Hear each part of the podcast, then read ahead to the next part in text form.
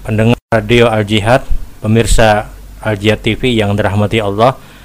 Kembali pada kesempatan hari ini insya Allah kita akan menjawab pertanyaan yang sudah dihadirkan. Assalamualaikum warahmatullahi wabarakatuh. Waalaikumsalam warahmatullahi wabarakatuh. Bagaimana pembagian waris seorang yang meninggalkan seorang istri, kemudian ibu dan anak laki-laki dan seorang anak perempuan dan dia telah memiliki harta sebelum pernikahan tersebut. Mohon penjelasannya. Ada orang yang dia punya harta sebelum menikah, kemudian dia menikah dengan seorang perempuan dan kemudian dia meninggal dunia dan dia punya anak laki-laki dan anak perempuan dan istri dan ibunya. Bagaimana status warisnya? Bagaimana pembagian warisnya? Istrinya mendapatkan seperdelapan, kemudian ibunya mendapatkan seperenam, kemudian sisanya untuk anak-anaknya. Dengan laki-laki dengan perempuan dua banding satu. Jadi perhitungan warisnya adalah seorang yang meninggal, dia tinggalkan istri, kemudian anak laki-laki, anak perempuan, dan seorang ibu.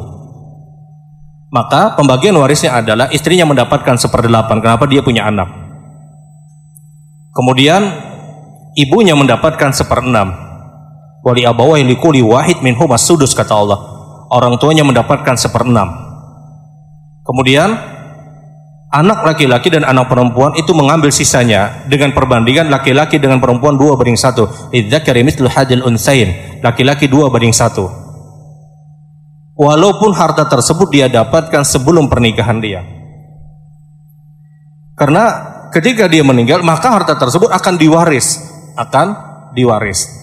Ada orang yang sudah punya harta, dia punya rumah, dia punya mobil dan yang lainnya sebelum menikah misalnya.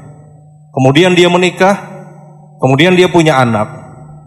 Maka apakah istrinya dapat waris? Istrinya dapat. Seperdelapan.